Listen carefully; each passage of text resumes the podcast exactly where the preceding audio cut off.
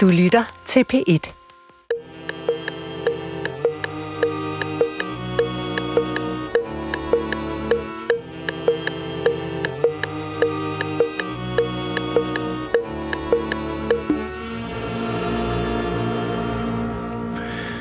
Goddag, mit navn er Peter Lund Madsen, og rigtig hjertelig velkommen til Hjernekassen på P1. Dengang jeg var dreng, dengang jeg var dreng og gik på Hummeltofteskolen, gik jeg i klasse med Bo, hvis far skrev under på pengesedlerne. Øh, og øh, det var vi meget alle sammen imponeret over. Dengang jeg var dreng, øh, der gik det også dårligt med Danmarks økonomi. Øh, jeg voksede op på et bagtæppe af, at øh, Danmark var på vej ud over den økonomiske afgrund. Sådan er det heldigvis ikke mere. Og dengang jeg var dreng, og dengang jeg var ung, der var der også noget med, at man skulle sørge for at have været i banken, inden det blev weekend, fordi ellers så risikerede man at løbe tør for penge. Fordi penge, det var noget, der var lavet af papir og metal, og noget, man hentede i banken, øh, og øh, der var ikke andre muligheder for at få fat på det. Det har alt sammen ændret sig, og en institution, der har stået centralt i det, det er, og jeg siger det, Danmarks Nationalbank, og det er lige netop det, det skal handle om i dag. Velkommen til Hjernekassen, som i dag handler om Nationalbanken, og jeg har to gæster i studiet, Signe Krogstrup, Thomas Har. Velkommen til jer. Velkommen til lytterne. Velkommen til Hjernekassen på PET.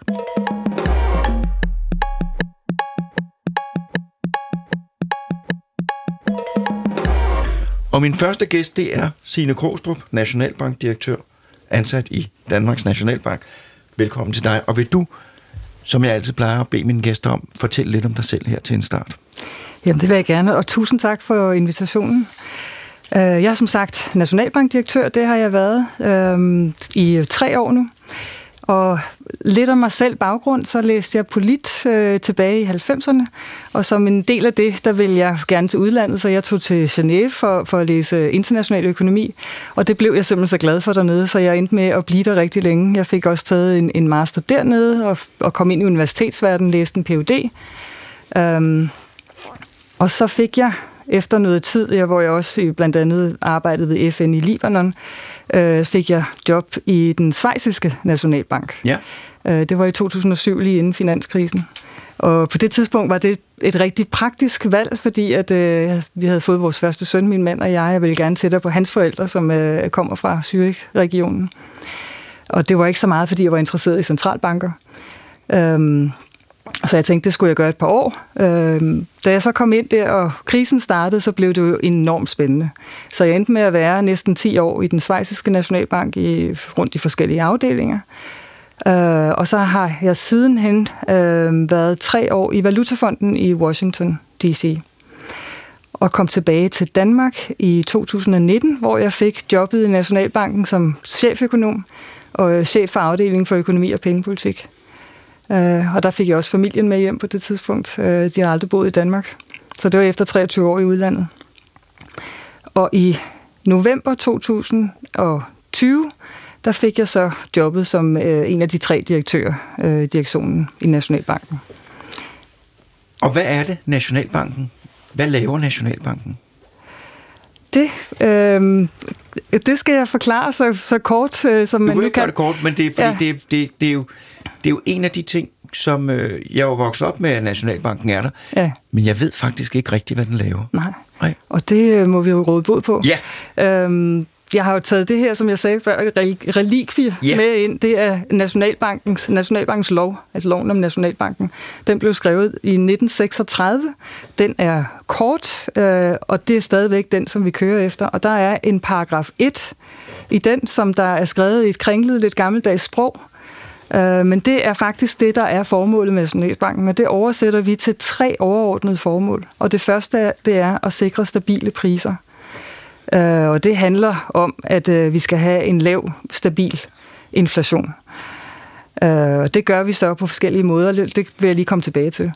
Øhm, og det andet formål, det er at sikre finansiel eller bidrag til den finansielle stabilitet i Danmark. Det skal være muligt også, når vi er udsat for stød og hårde tider, at danskere stadigvæk kan gå i banken og få de ydelser, de har brug for, for at økonomien kan understøttes og køre videre. Og så er der et tredje formål, og det er, at vi skal have sikre og effektive betalinger i Danmark. Vi skal være trygge ved og sikre på, at vi altid kan betale og bruge penge på forskellige måder, øh, sådan så vi også understøtter økonomien. Og hvis vi starter med det første ja. formål, altså det her med, med inflation, så er det jo noget, som der har været utrolig meget fokus på øhm, i den seneste tid, de seneste par år. Og det ved jeg også, at Thomas kommer til at tale meget mere om. Det er et af hans øh, kernejobs i øjeblikket at se på. Øh, det gør vi ved, at øh, vi fører fastkurspolitik i Danmark. Så mange centralbanker har decideret et inflationsmål. Så for eksempel ECB i Frankfurt. E, og hvad står ECB for? ECB, det er den europæiske centralbank ja. i Frankfurt. De har et mål, som siger, at de skal have en inflation på omkring 2 procent. Og der, der kører de så deres pengepolitik, det vil sige, at de sætter renten op og ned øh, i forhold til at nå det mål. Og når man siger en inflation på 2%, hvad betyder det så? Det betyder det så, at en krone for eksempel bliver 2% mindre værd hvert år, eller hvad betyder det? Øh, en krone i, i det, ja, det kan man godt sige, i, i forhold til dens købekraft. Ja. Så for eksempel, hvis vi har en 2% inflation i Danmark, så betyder det, at det koster, 2, det koster 2% mere per år, hver år, at købe det, som du plejer at købe. Ja. Så det, det er over sådan en bred kur, hvad vi kalder en kur af goder, og tjenesteydelser, som, som du normalt vil købe, den bliver så 2% dyrere hver år. Og det er sådan et mål for, det er en god, stabil prisudvikling, som der er passende, og det er det mål, som mange centralbanker har, og det har været det er lidt arbitrært, at man lige har valgt 2%, men det skal være i den størrelsesorden. Det har vi ikke i Danmark. Øh, I Danmark, der har vi, fører vi fastkurspolitik. Og det går tilbage til den tid, som du snakkede om, da vi var på vej ud over afgrundens rand øh, i 70'erne og tidligt i 80'erne. En af de øh, dele af løsningen på det, og en af grundene til, at vi er kommet til en situation i dag, hvor der er enorm stabilitet i den danske økonomi, det har været, at vi gik over til fastkurspolitikken. Det vil sige, at vi holdt op med at devaluere kronen, når vi havde problemer i Danmark, som man gjorde meget i, i 70'erne. Og der var så mange andre reformer, der også blev lavet for økonomien dengang, som alt sammen har spillet ind til det at sikre, at Danmark er blevet en meget mere robust økonomi.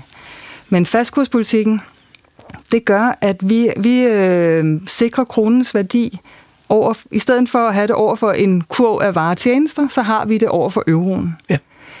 Øh, så vi sikrer værdien over for euro.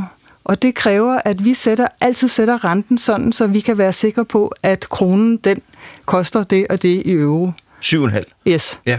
Øhm, det gør jo så også, at hvis vi får en anden inflationsudvikling i Danmark, så kan vi ikke bruge renten til at sige, så må vi ændre på renten for at, at sikre, at inflationen bliver en anden. Så vi følger mere eller mindre, hvad ECB gør. Det vil sige, at vi også følger den udvikling, der er i øveområdet. Og for det meste så er det meget passende for dansk økonomi, for vi er enormt integreret med øveområdet. Så når der er inflationspres i eurozonen, så vil der typisk også være det, og typisk er de samme årsager i Danmark.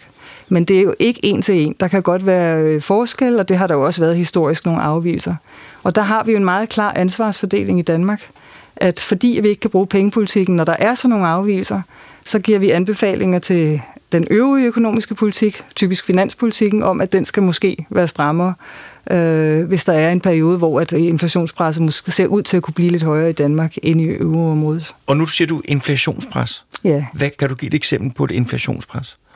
Og det ved jeg, at, Thomas vil komme langt mere ind ja. på, men, men det er jo heldigvis meget taknemmeligt i øjeblikket at give et eksempel på det, fordi det har vi jo lige været igennem øh, en lang periode, hvor at priserne øh, har været øh, utrolig høje, eller prisstigningerne har været utrolig høje, og nu er de kommet lidt ned igen. Nu står vi faktisk i en situation, hvor inflationen er meget tæt på nul, men der er et underliggende inflationspres, som vi ser på, og det er, når man tager sådan nogle varetjenesteydelser ud, som der egentlig ikke hvor priserne ikke afhænger af, hvad der sker i Danmark. For eksempel, bedste eksempel, det er energi.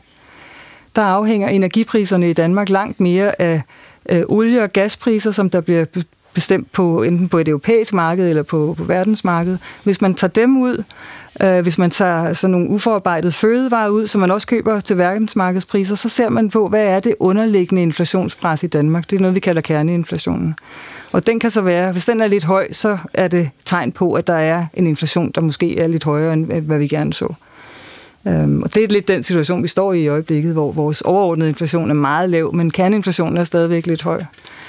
Og der er presset vil typisk komme for, at man forventer, at det bliver ved med at være højt, eller for eksempel, at der er meget pres i arbejdsmarkedet, og man så vil se, at, øh, at der måske er lidt for høje øh, forventninger, eller faktiske lønstigninger, som også vil lede til inflation øh, hen ad vejen. Ja, og nu Thomas Har, som er vicedirektør i Danmarks Nationalbank. Du markerer her. Ja, jamen det var bare lige for at tilføje til det, Signe siger. Altså som, som regel, så, så passer det, som den europæiske centralbank øh, gør, ret godt til os. Men vi havde en situation for eksempel for et par år siden, hvor vi synes det gik rigtig stærkt i Danmark i forhold til, hvordan det gik i øvreområdet. Og det var der, hvor vi, hvor vi for et par år siden anbefalede, at Danmark skulle føre en ret stram finanspolitik. Det vil sige, at vi simpelthen ikke skulle bruge for mange penge i Danmark. Men, men nu er vi tilbage i et miljø igen, hvor vi egentlig synes, at det, der sker i Europa, i euroområdet, passer meget godt til Danmark, så pengepolitikken passer rigtig godt til Danmark. Så det er simpelthen et spørgsmål om overordnet at holde priserne og lønnen så stabil som muligt i Danmark. Og det, der er udfordringen, det er, at der kan komme alle mulige ting fra udlandet og fra os selv. Prisstigninger på olie, øh, øh, og så kommer der krav for, at vi skal have højere løn, fordi nu er alting blevet dyre. Så I skal simpelthen sørge for hele tiden at mindske de her udsving, som rammer Danmark udefra. Er det korrekt? Ja, det er korrekt. Altså en ting er de udsving, som, ram, som kommer udefra, og så ja. er der jo også de udsving, som kan komme indenfra. Men det er fuldstændig korrekt. Og det gør vi jo over renten. Men den rente bliver jo besluttet i mere eller mindre, ikke en til en, men mere eller mindre i den europæiske centralbank, fordi vi fører fastkurspolitik. Og hvordan bruger man renten til at styre det her? Det gør man ved, at øh, man styrer efterspørgselen. Så når renten den går op... Og det bliver dyre at låne penge? Ja, det bliver dyre at låne penge. Så vil man som virksomhed øh, overveje en gang mere, om man nu også skal investere, fordi det er blevet dyrt at låne penge til at ja. investere. Man vil også som privat øh, forbruger tænke, måske skal jeg spare lidt mere op, fordi nu er der mere at hente ved, ved, ved en opsparing. Øhm, det påvirker også det, vi kalder cashflow. Det påvirker den måde, som øh, altså det vi betaler for for eksempel vores øh, boliglån. Det går op, så det bliver lidt dyrere, og så må vi måske skalere ned på vores forbrug. Så der er en masse forskellige kanaler, som påvirker efterspørgselen, altså både investeringer og privat efterspørgsel i samfundet, når man ændrer på renten. Og det er den, man prøver at skrue op og ned på i forhold til, øh, hvordan det påvirker priser og konjunkturer. Men det er jo så også, kan jeg høre, et kæmpemæssigt skib, øh, der sejler, og så drejer man lidt på roret, og så går der rigtig lang tid før, at man ser ændringen. Øh, så så, så, så det, er ikke, det er ikke nogen begynderting. Man skal virkelig man skal virkelig have tjek på konsekvenserne. Yeah. Øh, og der må også være noget, noget gætværk i det, eller noget vurdering i det. Så man ser i øjeblikket, der, at der er jo en, en enorm stor forskningslitteratur, der hele tiden ser på, hvad, hvad vi har data på. Hvor, når, hvor lang tid tager det fra, at man ændrer på renten til, at der er en reaktion i efterspørgselen, i væksten og i priserne. Og der ser det ud til, at det, der går lang tid. Det er det, man kalder lags. Øh, der går lang tid, der går fra et år frem til fire år, før man, øh, man ser den effekt. Og det har der været meget fokus på de sidste par år her, fordi at centralbankerne begyndte at stramme for to år siden. Øhm, og det er først, altså det er nu, man, nu ser man det, men vi har gået og ventet, øh, og der har været utålmodighed omkring det, men nu ser man det. Og det betyder så også, at centralbankerne skal være tålmodige og, og, øh, og afvente den effekt. Øh, og det er jo der, vi står i øjeblikket, hvor de store centralbanker har meldt ud, at de er nu har, ser på, hvad effekterne er, og afventer. Jeg kan huske, dengang jeg tog jagtklubben Furesøens førernål i sølv, der sagde man, stor rorsmand, lille rorudsving, øh, lille rorsmand, stor rorudsving. Det må være lidt det samme med, med, med, med, med banken, at det, det må være en kunst at kunne vente på, at effekterne træder ind. Ja, altså det, det er jo både, der er en masse videnskab, der går ind i det, og der er en masse forskning, og man kan bruge data og se på en hel masse ting. Men i sidste ende er der også et, et element af kunst, så det skal man passe lidt på med at sige, men det er jo også, øh, der er et element, der er både erfaring og forståelse for, hvordan økonomien hænger sammen, som man ikke altid kan fange i data og analyser. Så det, det, det er et intuitivt element. Øh, Eller måske en forståelse for at have fuldt økonomien og have en, en dybere forståelse for den, end, end det, man lige kan fange i analyser. Og det var jo det, som jeg havde en, en chef, videnskabelig chef, og han havde, det var så inden for videnskab, han havde den der evne til at vurdere, om man skulle gå i gang med et forsøg eller ej, øh, som var rakte ud over øh, det, man kunne regne sig frem til med den der erfaring, han havde fået gennem mange år. Øh, men altså, dybest set, så har I nogle relativt få ting, I kan dreje på, øh, som kan skrue op og ned for, for, for, for hastigheden i, i den danske økonomi. Og nu vil jeg sige igen, det, det gør vi jo så ikke, fordi vi fører fastkurspolitik, ja. så vi skruer ikke på den rente. Men vi gør det implicit ved, at ECB skruer på renten, altså den europæiske centralbank, ja. og så importerer vi det, og det som Thomas også sagde, at det er for det meste helt passende for, hvad vi har brug for i Danmark, men ikke altid. Så det vi skruer på i ud over det, det er vores anbefalinger netop til finanspolitikken. Og, hvad, og finanspolitikken, det er om regeringen skal sætte gang i flere projekter, øh, øh, pumpe flere penge ud i samfundet, eller om de skal, nu skal vi spare og skrue ja. livremmen, ja, spænde livremmen ind. Ja, så hvordan påvirker finanspolitikken efterspørgselen? For den har jo også en efterspørgselseffekt ud over renten. Øh, så det kan vi komme, til anbef- komme med anbefalinger til. Vi går så ikke ind i og siger, hvad det er, det skal komme fra. Skal der gang i projekter, eller skal der reduceres i projekter, eller skal skatterne øges? Det vil vi simpelthen ikke blande os i. Det, det handler om for os, det er finans, det, vi kalder finanseffekten, altså effekten på efterspørgselen. Øh, det hænger sammen med budgetunderskuddet. Og hvordan står det lige nu? Hvad, hvis jeg var statsminister, hvad ville, hvad ville jeres øh, råd eller øh, henstilling være? I øjeblikket er anbefalingen, som, altså den sidste gang vi kom med en anbefaling, ja. det var i september. Nu gør vi det halvårligt i øjeblikket, så vi havde en anbefaling i september, den næste kommer i marts. Øh, og i september øh, var anbefalingen, at pengepolitikken er, er nu blevet strammet. Vi har jo fået en historisk stramning, hurtig stramning øh, af pengepolitikken gennem, hvad de store centralbanker har gjort. Og øh, finanspolitikken står rigtigt, øh, og det, der er behov for nu, at finanspolitikken ikke yderligere stimulerer efterspørgselen, så der skal være tilbageholdenhed. Og det er også det, vi ser. Så lige nu, der, der ser det godt ud. Det, det var jo en af jeres formål. Ja. Hvad var der mere, I skal tage af? Ja. Så er der øh, den finansielle stabilitet. Ja. Øhm, det er, en, det er et, vi bidrager til den finansielle stabilitet, og vi er jo absolut ikke de eneste derfor. Vi har også Finanstilsynet og andre myndigheder. Øhm, det, som der er vigtigt for, for os, det er, at vi har et overordnet systemisk ansvar, det vil sige, at vi sikrer eller bidrager til, at det finansielle system det er robust og kan være med til at understøtte økonomien, også når der er store stød til økonomien. Og et godt eksempel, det var for eksempel under finanskrisen, hvor der kom nogle de såkaldte finansielle stød og store tab i den finansielle sektor, og hvor man så rundt omkring i verden, at banker de led så store tab, at de måtte øh, reducere deres udlån. Øh, og det, det ledte jo til yderligere problemer for økonomierne. Og det er, faktisk, det er sådan et eksempel på, når vi ikke har en stabil finansiel sektor. Så vi ønsker at have en finansiel sektor, der selv når der kommer sådan nogle store stød, så vil de være robuste til at kunne øh, tage tabene og stadigvæk øh, have den fungere, som de skal. Øh, og, og den finansielle sektor, det er banker, sparekasser, alle sådan nogle øh, ting. Ja, det er, øh, det er den finansielle sektor, der, der, øh, der understøtter øh, finansiel inter, øh, intermediation hedder det, altså at vi kan få lov til at placere vores penge øh, sikkert at, øh, i indlån, at vi kan foretage vores betalinger, at vi kan være sikre på, at vi har det, som vi sætter ind i dag også i morgen, og at vi har adgang til at låne, hvis vi har brug for det, både som privatborgere, hvis vi har brug for at købe et hus, eller som virksomheder. Og det kan jo, altså det er jo hovedsageligt bankerne, vi fokuserer på, men der er jo også mange andre institutioner, som der spiller en rolle i det ja. her. Vi skal lige have en jingle. Du lytter til Hjernekassen på P1 med Peter Lund Madsen. Og i dag, der handler Hjernekassen på P1 om Nationalbanken. Og min første gæst, det er Signe Krostrup, og vi er ved at tale om den finansielle sektor. Du vil... Du, jeg afbrød dig. Ja, men øh, jeg, vil, jeg vil sige, at den øh, finansielle sektor står ud i en, i en stor øh, man kan sige, transformation, den, den ændrer sig utrolig meget øh, i øjeblikket, har gjort det et stykke tid. Og det kommer også ind på det, vores tredje formål, som er Jeg skal lige betalinger. med mit finansielle sektor, fordi ja. det er jo noget, som I skal sørge for, at den er stabil. Ja. Så det er jer, der er med til at sætte de der regler for, hvor mange penge bankerne må låne ud, og hvilke krav de skal stille til, øh, til husejere, når de skal tage lån i deres bolig og sådan noget. Er det korrekt?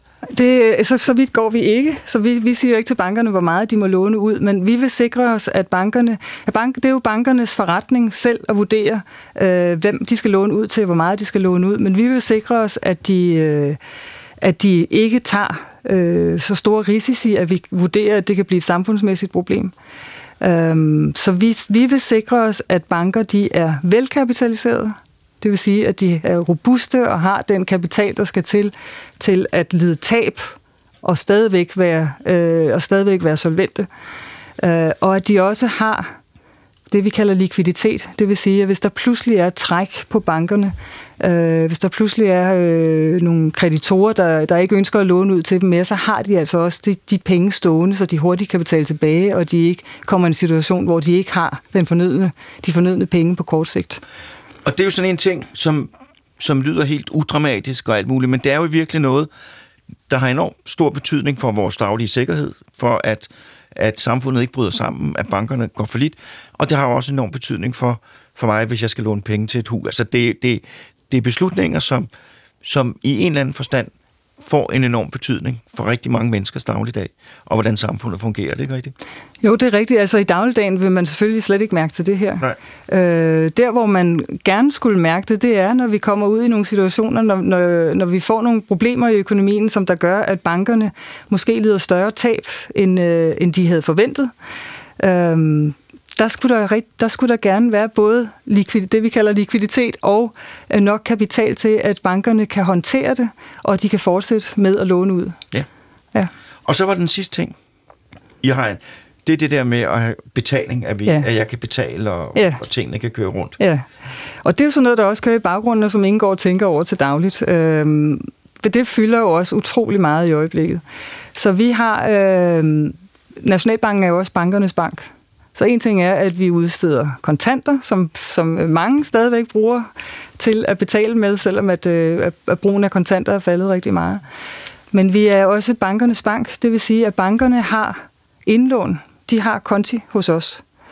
Og vi står der centralt i det finansielle system og sørger for, at bankerne kan betale, lave betalinger til hinanden.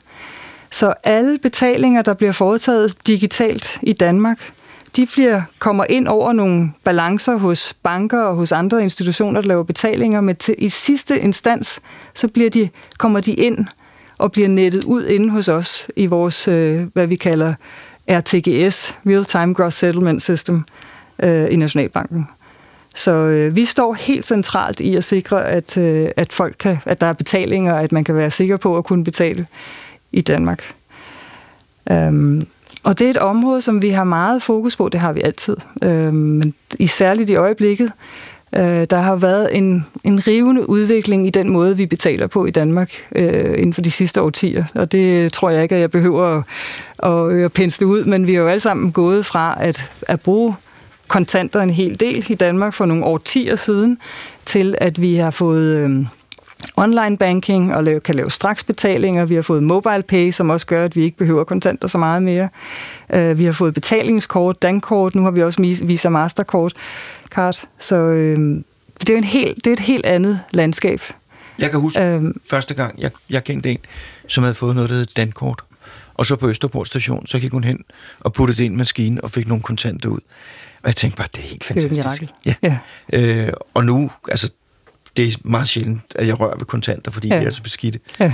øh, men, men hvad er fremtiden for det, og hvilke problemer er der forbundet med, øh, at vi ikke har kontanter, og det hele foregår digitalt? Altså, vi har jo set, vi har lige lavet en større analyse ja. øh, og kommet om, ud med nogle tiltag omkring kontanter. De skal jo ses i sammenhæng med hele den udvikling, der har været, at vi er gået fra at bruge kontanter en hel del til, at vi bruger dem mindre og mindre. Vi finder jo nu, at øh, man bruger kontanter kun i 10 procent af de betalinger, man laver ude i fysiske butikker, hvilket er en lille del af de overordnede betalinger, der bliver lavet. Øh, det så stabiliseret sig lidt der, så vi, og, og de beløb, man bruger til at betale kontanter med, de er blevet meget mindre. Men vi kan også se, at der er en gruppe øh, af danskere, som stadigvæk holder fast i og, og gerne vil bruge kontanter. Øh, og det, er ikke, det, det ser vi ikke nødvendigvis som, at det forsvinder lige i forløbet. Så det er ikke sådan, at vi ser, at vi går i en kontantløs fremtid møde lige rundt om hjørnet. I er ikke ved at parkere sædelpressen. Nej, så tværtimod, så har vi, øh, vi har parkeret sædelpressen, men det har vi, den har vi jo udliciteret til et Ja. andet sted. Men, øhm, men vi forestiller os, altså vi har jo lige meldt ud, at vi vil lave en ny sædeserie for at sikre os netop, at kontanter også er et sikkert, effektivt betalingsmiddel i fremtiden. Det går vi i gang med nu, og der kommer en ny sædserie ud i 2028-2029. Og i den forbindelse, så har vi hjemkaldt nogle af de gamle sædler. Det har vi faktisk ikke gjort i Danmark siden 1944. Så vi har stadigvæk sædler derude, som er lovlige betalingsmidler, men som blev udstedt i 1944. Og øh, jeg skal sige, jeg har ikke selv set de sædler, så de, de, der er jo ikke stort omløb af dem. Men det er jo problematisk, at der er nogle sædler derude, som man i princippet kan gå hen i butikken med, men øh, butiks øh, med assistenten vil ikke kunne genkende dem. Nej. En plovmand. Ja. Så de, dem, dem kalder vi tilbage. Og så har vi også i den her store analyse kunne se, at øh, fordi at vi bruger kontanter mindre, og vi særligt bruger dem til meget mindre beløb, så er der faktisk ikke brug for 1000 kronersedlen i, i betalinger længere. Så den hjemkalder vi også. Og når du siger hjemkalder, det vil simpelthen sige, at man bytter om, at man skal komme med sine penge, øh, og så skal man bytte om til de nye sædler, og efter en vis dato, så er de gamle sædler ikke længere gyldige. Ja, det, det, det er rigtigt. Bortset fra, at man behøver ikke at bytte om til andre sædler. Man kan for eksempel gå i banken og få sat dem ind på sin bankkonto, øh, og man kan også bruge dem i butikkerne. Ja. Øhm, så det er fuldstændig op til folk selv, hvad det er. Om de ønsker at få nye sædler, de kan jo gå øh, øh veksle 1000 kroner sædler til 500 kroner sædler og lægge dem tilbage i madrassen, hvis det er det, man ønsker. Eller man kan bruge de penge og få dem sat ind på en bank på. Så der er mange muligheder. Men det betyder også, at hvis jeg har øh, en, hel masse øh, gamle sædler liggende, som ikke rigtig som ikke rigtig hører nogen steder hjemme i systemet, at så kommer jeg til at stå til regnskab for dem. På en eller anden måde. Altså, de kommer til at miste deres værdi ja. øh, som betalingsmidler i butikker ja. øh, om et halvanden år, og så kan man også få dem vekslet i banken, og Nationalbanken kommer til at sætte nogle kontantkasser op på et tidspunkt. Øh, så kan man øh, bringe dem tilbage. Men hvis ikke man får gjort det inden for den periode, så bliver det svært at få, at få dem vekslet til til, til værdi. Ja, så, ja. så må man sælge dem som gamle sjældne pengesedler ja. øh, og håbe på, at ja, det kan det kompensere. Det skal ikke udelukkes, at de kan blive noget værd på den måde, fordi de har jo, der, der er ikke så mange af dem derude, men der er jo nogen. Ved I, I, ved, I, har jo en, I må have en oversigt over, hvor mange af dem der er ude. Vi, vi har jo en oversigt over, hvor mange der er blevet udstedt. Ja. Øh, og hvor mange der så er tilbage af dem, det kan vi jo ikke vide, fordi der er sikkert mange, der er gået til i ja. vaskemaskiner og i brand og i madrasser, der er blevet smidt ud. Så, så det, kan vi, det ved vi simpelthen ikke. Det ved andre lande den slags, fordi de jævnligt har tilbagekaldt gamle sædler. Det har vi aldrig gjort i Danmark, så vi har ikke et, et overblik over, hvor meget der er gået til. Men vi forventer, at der er omkring øh, 3,5 milliarder, så det, det, deromkring sådan noget lignende i de gamle sædelserier som vi nu kalder tilbage. Så det er jo alligevel også en chat penge. Det er det. Og det bliver jo spændende at se, hvor mange der så kommer tilbage. Ja. Øh, men det er jo ikke, det er jo bare kontanter. Ja. Så er der jo det her med, at øh, alle mine penge figurerer som nogle, nogle bits, bits i en ja. computer. Indtil videre øh, bits. Ja. Øh, til qubits på et tidspunkt måske. Ja. Men der må jo være nogle sikkerhedsmæssige udfordringer i forhold til, til det her, ja. at hele økonomien er bundet op ja. på nogle computer. Ja. Jeg vil lige sige, at der er også store sikkerhedsmæssige udfordringer i, at dengang, at det hele var bundet op på kontanter. Øh, vi havde jo en, en gang, hvor vi havde mange bankrøverier, eller at folk kunne miste penge af kriminalitet af kriminelle årsager. Øh, så der er altid sikkerhedsmæssige udfordringer. Når vi har fået en økonomi, der er gået meget over på det digitale, og særligt vores finansielle sektor, så er der selvfølgelig nogle nye udfordringer med det. Øhm, dem er der en, en hel del af, så det, den udvikling, vi ser på i øjeblikket, der ser vi, at der er både en udvikling i de teknologier, vi bruger, og så er der en udvikling i de såkaldte aktører, der er med i den finansielle sektor, som også står for betalinger. Visa og Mastercard er blevet nogle kæmpe aktører øh, globalt, for eksempel. Og så har vi alle de her big techs, som kommer ind på markedet. Nu har vi fået Apple Pay, som, øh, hvor Apple er blevet en aktør i betalingssystemet. Så der er en stor ændring i, øh, i, i betalingsinfrastrukturen. Og en af de store fokusområder, som vi naturligvis har, som jeg tænker, du har i baghovedet nu, det er, at der er en, en vis cyberrisiko. Der er risiko for, at der kommer cyberangreb. Øh, der er også der er risici i forhold til den geopolitiske udvikling, og hvordan øh, øh, cyber også kan blive brugt af stater. Øh, det har vi en enorm stor fokus på i Nationalbanken og i det hele taget øh, i den finansielle sektor. Fordi det, det er ikke noget, vi løser i Nationalbanken alene. Der har vi et meget godt samarbejde med den finansielle sektor, øh, og også med andre myndigheder omkring at sikre både robusthed over for cyberangreb, og der skal jeg lige sige, at cyber er jo sådan noget, hvor man aldrig kan sikre 100 procent. Mm. Men man kan komme langt, og vi gør, hvad vi kan. Øh, så det, arbejde, det bliver der lavet et stort arbejde på, og så har vi et andet stort arbejde, der skal til sideløbende, det er, hvordan håndterer vi det, hvis der kommer øh, et cyberangreb, som der bliver på en eller anden måde succesfuldt. Øh, hvordan genopretter vi, hvordan håndterer vi det bedst muligt, sådan så vi ikke får problemer i den finansielle sektor. Og de, begge de to arbejder har meget stor fokus i øjeblikket. Og det er samarbejde med sektoren og samarbejde med andre myndigheder. Men det er jo sådan, verden er skruet sammen. Det er jo en, en evig der kommer noget nyt, og så skal man sørge for, at det, det kan fungere. Ja. Øh, øh, hvordan ser det ud? Alt det med penge og sådan noget om 10 år eller om 20 år, er der, er der nogle store forandringer, øh, I kan se komme? Eller bliver det bare mere af det, vi har lige nu? Vi har jo som sagt allerede været igennem en rivende udvikling, øhm, og den stopper på ingen måde nu. Vi, øh, vi ser jo i, i øjeblikket, at der bliver bliver lavet en masse øh, ved brug af den her nye øh, kryptoteknologi, så det kan være, at der er de platforme, der ligger, der er kryptobaseret, altså baseret på blockchain-teknologi, at de kommer til at, at komme mere ind. Det er lidt usikkert. Øh, vi ved ikke, hvor det er på vej hen. Så kommer der kunstig intelligens, som sikkert vil kunne bruges også i betalinger og i den finansielle sektor til at ændre på den måde, som det, det fungerer på. Og jeg vil tro, at det vil hele tiden gå i en retning af, at det bliver mere bekvemt, nemmere for os at gøre tingene hurtigere, og så kommer der nogle nye forretningsmodeller ud af det, og nogle nye aktører ind på markedet. Hvad det præcis bliver, det tør jeg slet ikke at spå om. Men jeg, har, jeg var øh, i sidste uge var jeg på besøg i, i Mastercards Tech Hub i, i Dublin, netop for at høre, hvad de ser, og det er jo nogle spændende ting, de har. Men de ser på alle de her ting. De ser endda også på kvantecomputer, og hvordan de vil kunne påvirke betalingssystemet. Og hvad er det for nogle ting helt konkret, de, de kunne forestille sig, at fremtiden ville bringe? Så det med, det med kvantecomputer, det synes jeg var meget interessant. Kvantecomputer kommer til at give os meget større øh, computerkapacitet, altså øh, beregningskapacitet. Og der er nogle store, for eksempel øh, når man ser på øh, handel med valutaer på verdensplan, på sådan en angroplan, ja. så er en af udfordringerne, det er, at man jo stadigvæk skal finde en modpart. Når man skal ud og købe en bestemt valuta, så skal man finde en modpart, der vil købe ens valuta. Ja.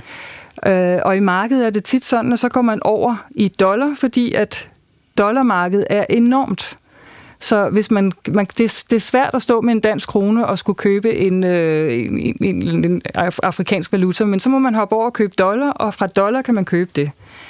Og der er noget, det, det, det, det, det gør det mindre øh, efficient, der er jo også noget konkurrencemæssigt, så der ser man i øjeblikket på, om man, når man får de her meget store kvantecomputer, og man kan bruge dem til, at hvis man lægger alt det her, alle de her bestillinger ind i nogle systemer, at den så kan regne ud, hvad er det optimale? Hvor er den modpart, du skal finde for at få den bedste pris lynhurtigst?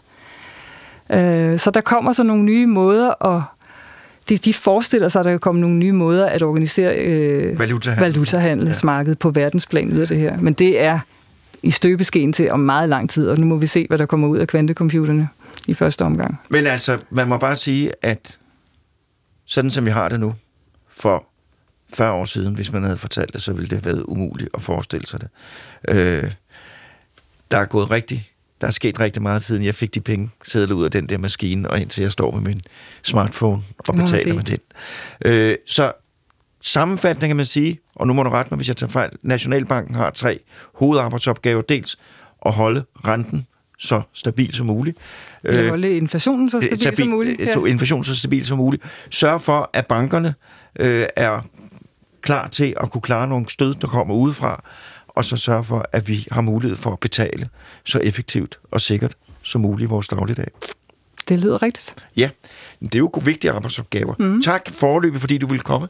Nu skal vi have en jingle.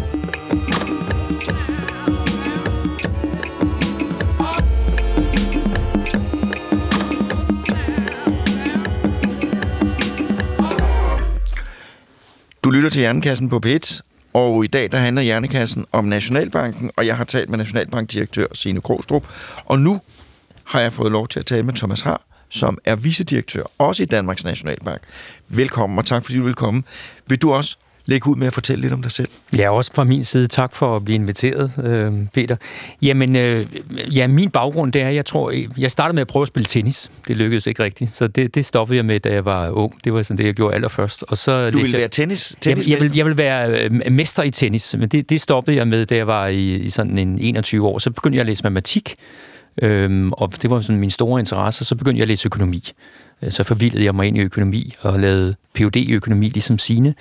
Øhm, og så, øhm, så har jeg virkelig arbejdet i det, man kalder investeringsbanker i cirka 17 år. Og har jeg arbejdet rigtig mange år i Singapore, og, øh, og mange år i Danmark, øh, hvor jeg, mit, mit job var der i forskellige lederroller, og rådgive øh, store investorer om, hvordan de skulle investere, og store øh, erhvervsvirksomheder, hvordan de skulle af, af, sikre deres risiko, deres finansielle risici.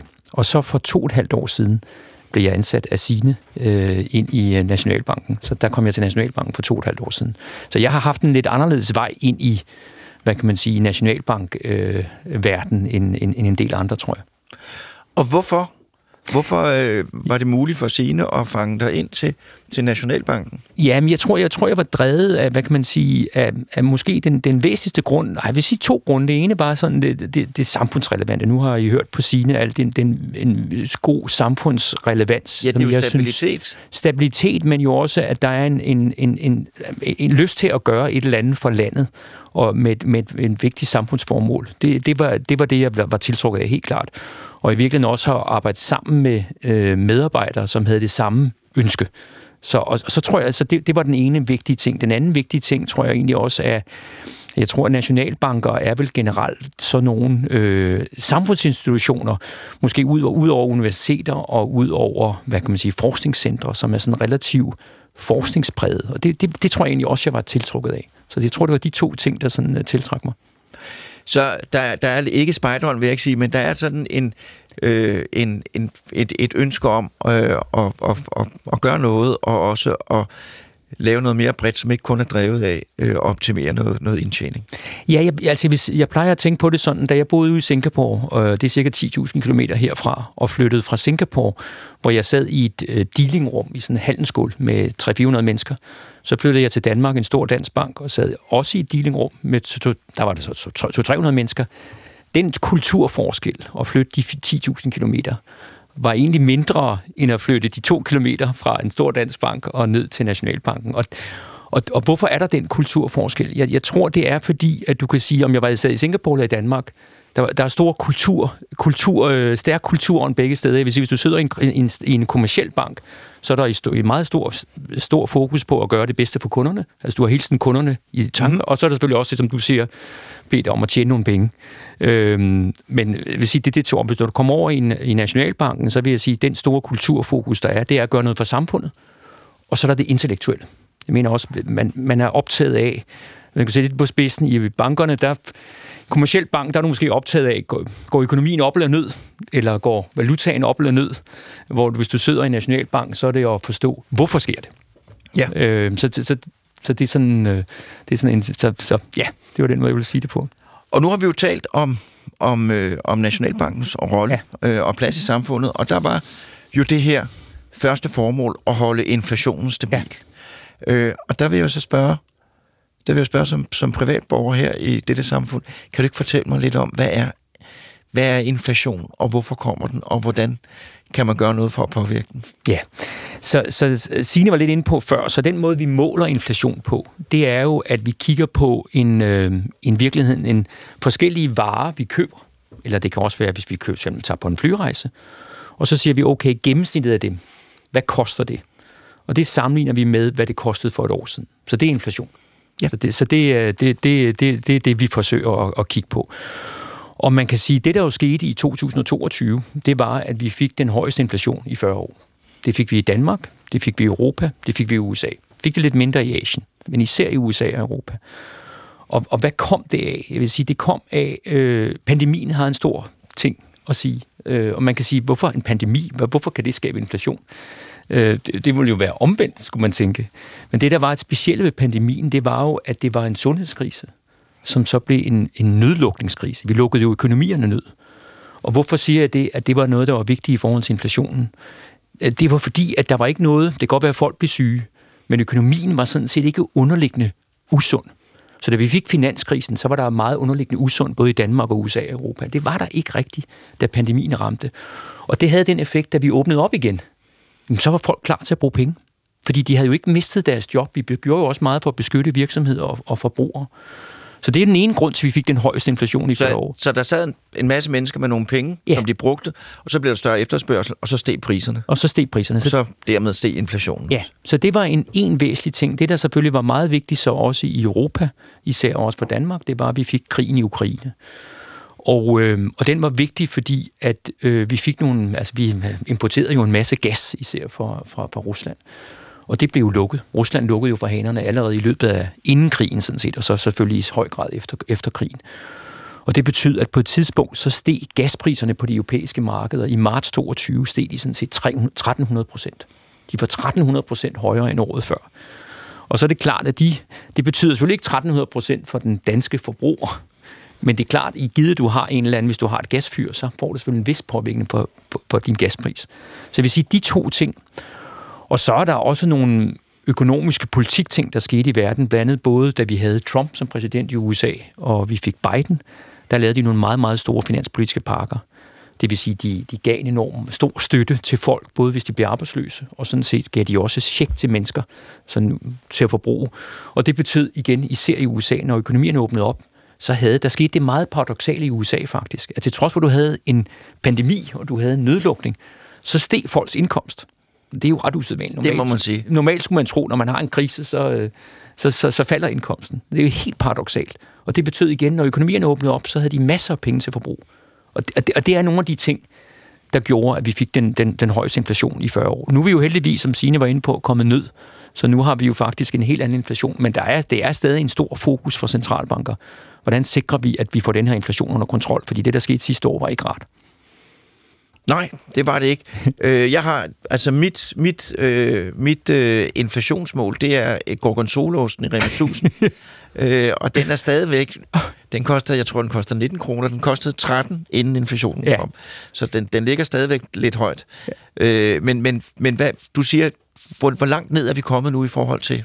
Ja, så i Danmark i øjeblikket, så har vi næsten, vi har næsten ikke, vi havde faktisk en enkelt måned her, for i sidste måned, hvor vi faktisk havde det, vi kalder deflation.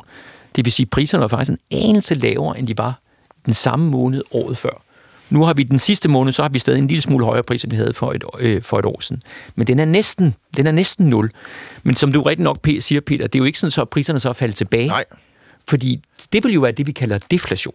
Som er, når defla- så inflation, det har vi, når prisen er prisstigningerne over 0, deflation, hvis de er under 0. Og det- jeg tror, det er det, man skal indstille sig lidt på. Men du, du har jo helt ret i, vi gå- vi jo alle sammen huske, at vi gik i supermarkedet sidste år. Det, der jo skete, især i 22, det var jo ikke nok med de steg. De steg også meget hyppigt. Jeg ved ikke, om I kan huske det der, Jo. når man gik ned, når man så kostede en, en pakke øh, æg, så kostede den det ene, og så en uge efter kostede noget nyt. Og, og, så nu, nu har vi fået det stabiliseret. Det vi stadig er bekymret inden fra Nationalbankens side, eller vi overvåger meget nøje, det er, at vi kan jo se, at danskerne har jo fået, eller kommer til at få relativt høje lønstigninger, både i, i, i år og næste år. Og det vi overvåger meget nøje, det er, hvordan kommer de stigende løn, lønningerne så? Det rammer jo virksomhederne. Betyder det så, at, at, Priserne stiger. at priserne stiger igen? Ja. Det, det er klart, det er det, du som na- nationalbank øh, meget optaget af. Det er ikke kun os, det europæiske centralbank har den samme fokus, eller den amerikanske centralbank. Så vi, vi tror, at der kommer noget inflation tilbage igen næste år. Altså den er højere, end den er lige nu, men vi kommer ikke tilbage til, hvor vi var i 22. Vi skal lige have en jingle. Ja.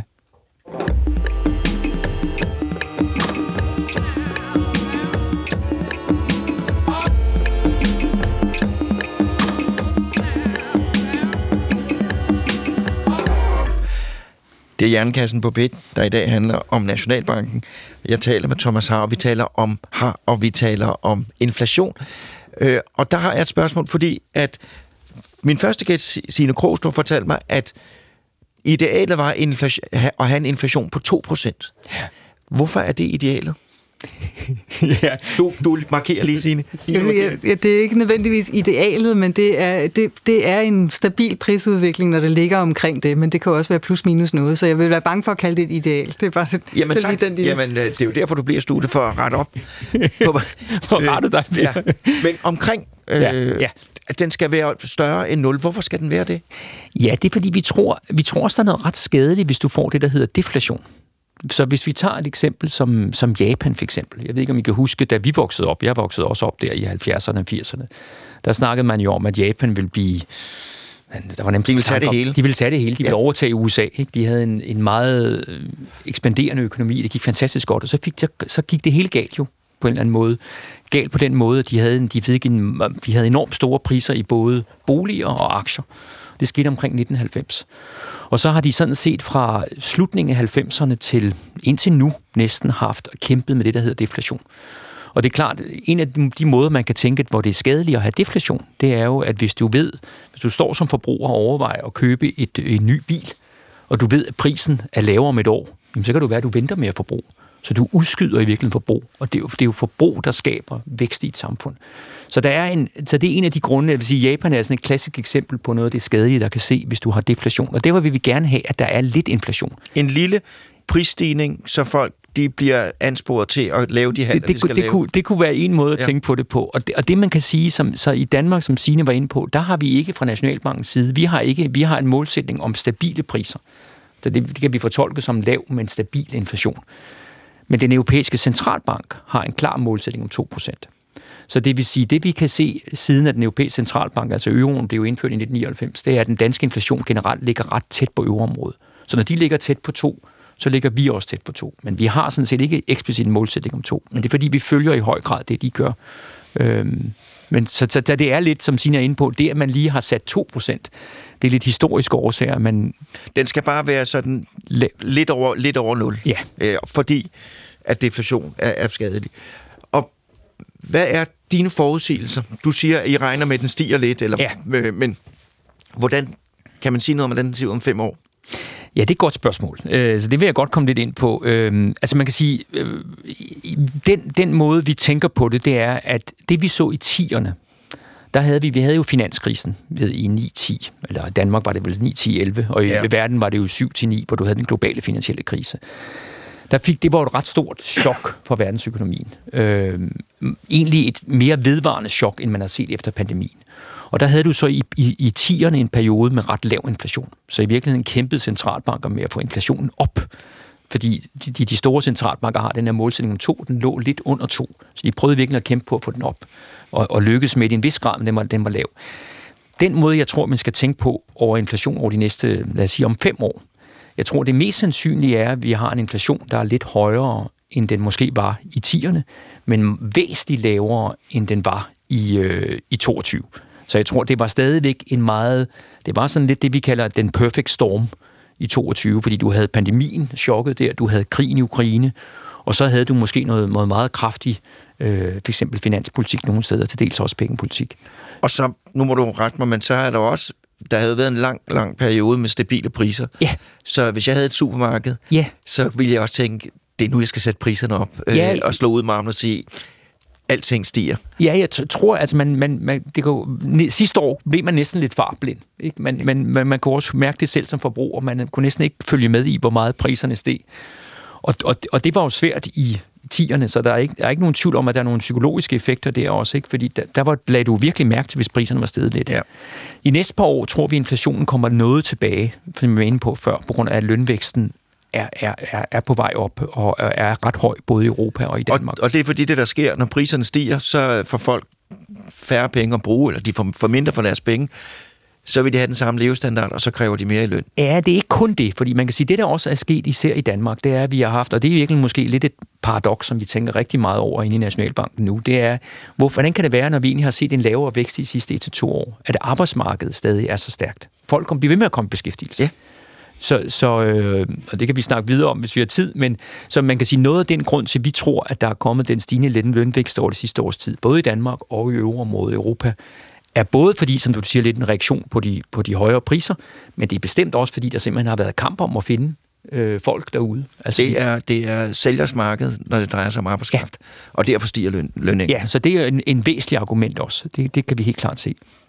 Så, så måske lige bare, det er lidt relateret til de spørgsmål, Peter, men, men altså man kan sige, der har været en stor diskussion blandt økonomer. Skal man, får vi det, vi kalder en hård landing eller en blød landing efter sådan en inflationschok? Ikke? Der er nogen, der har sagt, når du har haft en høj inflation i 40 år, så må det blive en hård landing, fordi Det vil sige en økonomisk krise. en økonomisk krise, fordi man skal sætte renterne så kraftigt op. Ja. Vi har jo set de kraftige rentestigninger. Ja. Vi har stadig den forventning, at, at det bliver Det er mest sandsynligt. Der vil selvfølgelig altid være usikkerhed. Det mest sandsynlige er stadig, at vi tror, at vi får det, der hedder en blød landing. Det vil sige, hvor vi får lidt faldende beskæftigelse. Vi får inflationen ned, men vi får ikke en, en dyb krise. Det er absolut vores øh, hovedscenarie stadigvæk. Og det, de seneste tal har egentlig bekræftet sig i, i det hovedscenarie. Så det er jo sådan for, for os gamle, der er det jo lidt, at, ikke et mirakel, men det er jo en fantastisk situation at befinde sig i. Altså, jeg kan virkelig tydeligt huske min ungdom. Altså, ja. det var, bagtæppet var, krise, det går dårligt, hvordan ser fremtiden ja. ud, og, øh, og vi må stramme an, og sådan noget der. Og lige pludselig, så er det forsvundet, og, og, og nu sidder I og fortæller begge to, at, at det er jo ikke uproblematisk, men det ser sådan set stille og fredeligt ud. Ja, det, det går den rigtige det, vej. Det er vores forventning, at du, vi, vi, vi har sådan set været overrasket over den beskæftigelse, fordi vi kan se, at væksten er kommet ned, og så synes vi egentlig, at det er lidt overraskende, at beskæftigelsen bliver med, væksten bliver med at være stærk, men vi tror, det mest sandsynlige er, at du får en gradvis Altså lidt, lidt, lidt fald i beskæftigelsen. Men ikke det der, som vi begge to kan huske fra 70'erne og 80'erne. Jeg kan huske, min far sagde til mig i 80'erne, Thomas, det kan godt være, at der ikke er et job til dig, når du bliver voksen. Det var sådan den opløftende kommentar. Ja. Men det var jo sådan den, det, den måde, vi voksede op med. Ja. Ikke? Altså fat i 80'erne. Fat i 80'erne. Til gengæld ja. var det meget nemmere at få kontanthjælp og sådan noget der, fordi at systemet var sporet ind på, at yes. der var simpelthen nogen, øh, som vi måtte tage os af. Yes. Øh, yes. Og det var cirka halvdelen af vores. Så sådan blev det heldigvis ikke. Nej. Øh, kan, nu har vi desværre kun to og halv minut tilbage. Kan du sige noget om, hvorfor, hvorfor går det så godt for Danmark? Fordi vi er jo et land uden de store råstoffer eller noget. Hvorfor går det så godt? Ja, hvorfor går det godt? Jeg vil sige, veluddannet befolkning, øh, stærke industrier, stærke, øh, stærke hvad, hedder det, industrier, hvor vi gør det rigtig, rigtig godt. Øh, fleksibel arbejdsmarked. Øh, en, en meget solid øh, styring af den økonomiske politik, som går tilbage til det, som Sine sagde i starten, at vi fik jo fastkursen tilbage i 1982. Vi har fejret øh, fastkurs, så det tror vi også har en vis betydning og den her meget ansvarlige øh, økonomiske politik, der generelt bliver ført i Danmark. Øhm, der betyder, at virksomheder og borgere i Danmark kan stole på, øh, at tingene er, som de skal være, og derfor så er der en større tryghed, når man låner penge og investerer alt muligt. Ja, det, altså det, det, det tror jeg betyder noget. Vi har jo også i Danmark øh, ikke, hvis for det offentlige side, vi har ikke en stor, øh, øh, stor offentlig gæld, som man, som man har i mange andre lande. Så jeg vil sige, økonomiske former, stærke institutioner, veluddannet befolkning, fleksible arbejdsmarkeder, nogle af de ting, øh, vi er også et meget digitalt land, Øh, jeg tror, mange af de ting betyder noget, og, og det er rigtigt sådan strukturelt står Danmark et, et rigtig stærkt sted. Og det er jo også noget med, og det så man jo også under øh, coronakrisen, øh, og, altså at, at der jo er en enorm tillid ja. øh, til institutionerne øh, i Danmark, hvis... Øh, hvis, hvis, hvis myndighederne siger, at nu skal I gå med mundbind og vaske hænder, så går vi med mundbind ja. og vaske hænder. Ja. Hvorfor? Jamen, det siger myndighederne. Ja.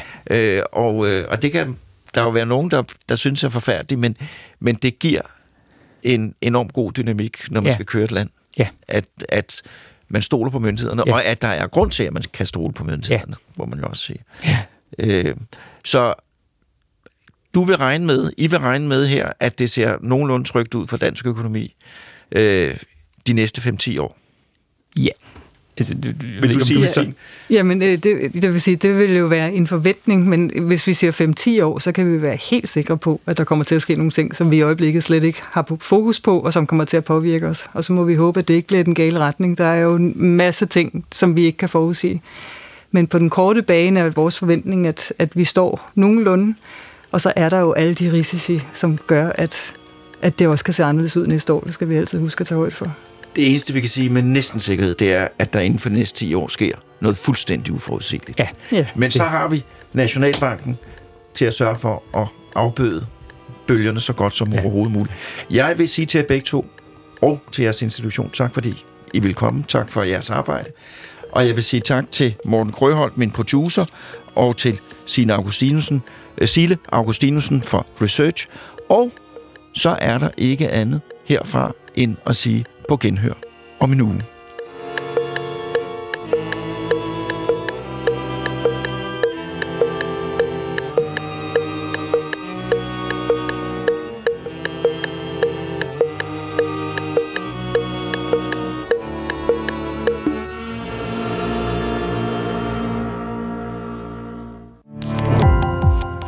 Gå på opdagelse i alle DR's podcast og radioprogrammer. I appen DR Lyd.